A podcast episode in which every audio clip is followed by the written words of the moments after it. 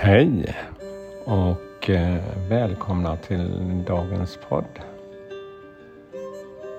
Whispers of Love. En viskning från kärleken. Mitt namn är Peter Edborg och idag ska vi få till oss ett nytt budskap. Och eh, jag vill eh, använda mina magiska kort, Whispers of Love. Och eh, de är faktiskt grunden till att jag börjar med den här podden. För jag har som sagt hållit på med att ta budskap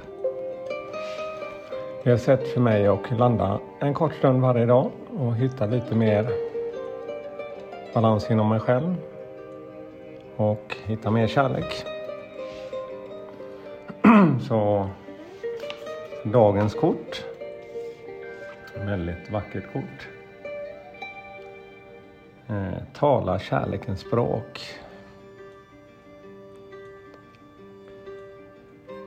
En positiv attityd gör underverk för att skapa mer kärlek omkring dig.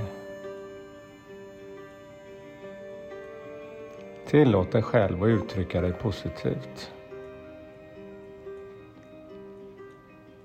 Använd bara hälsosamma ord när du talar till andra eller om dig själv. Var medveten om att alla språk du kan använda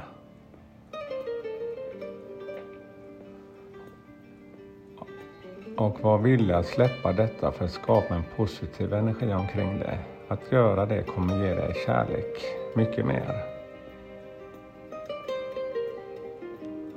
Ofta kommer inte dina exakta ord eller handlingar inte att kommas ihåg av människor. Människor tenderar att minnas hur något du sa eller fick dem att känna. Så det är just känslan, upplevelsen,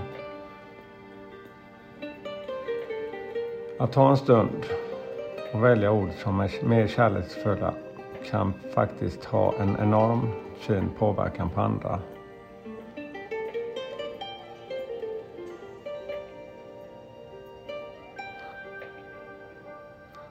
Att stanna upp och tänka på hur du förmedlar ditt budskap kommer också ha mer djupgående och mer kärleksfull inverkan på andra.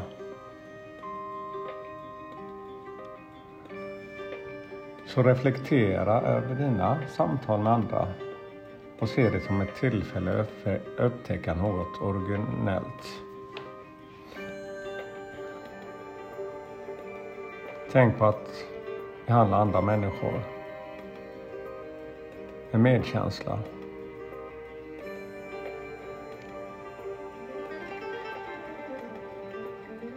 Det kommer finnas många möjligheter för dig att framföra din synpunkt.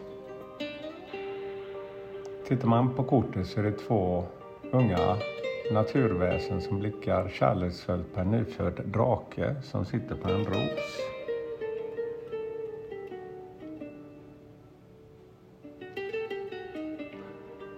Drakar kan vara hjälpsamma väktare såväl som pedagoger.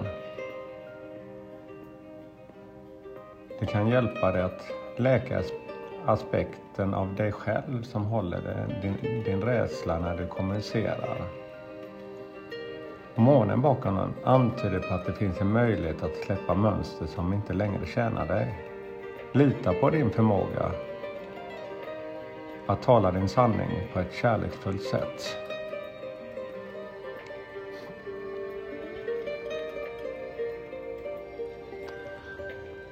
Ja, mycket handlar ju om att man reflekterar över sin egna förändring. Hur påverkar det min omgivning? Och det är faktiskt det som jag själv känner är den stora drivkraften inombords att verkligen se. För har man kanske också förstått hur man påverkar sin omgivning negativt där man tillför den energin så är det så enkelt faktiskt att få vänt det till en positiv och kärleksfull energi istället. Och när man reflekterar över sin egna förändring, hur den också förändrar omgivningen så är det väldigt, ja det är otroligt starkt. För just din lilla förändring varje dag, hur stor förändring det verkligen gör i din omgivning. Är det värt allt arbete? För du kommer också få så otroligt mycket mer kärlek inombords och uppleva så mycket mer kärlek. Till betydligt mindre ansträngning för man kanske har gjort så mycket mer på andra sätt. Men egentligen handlar det bara om hur vi mår och kan uttrycka den energin och kärleken.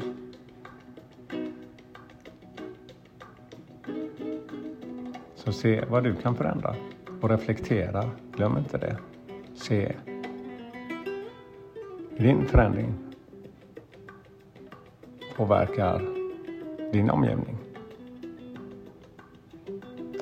Ja, tack för mig idag. Det var lite visa ord igen och eh, önskar en fin dag och all kärlek till er.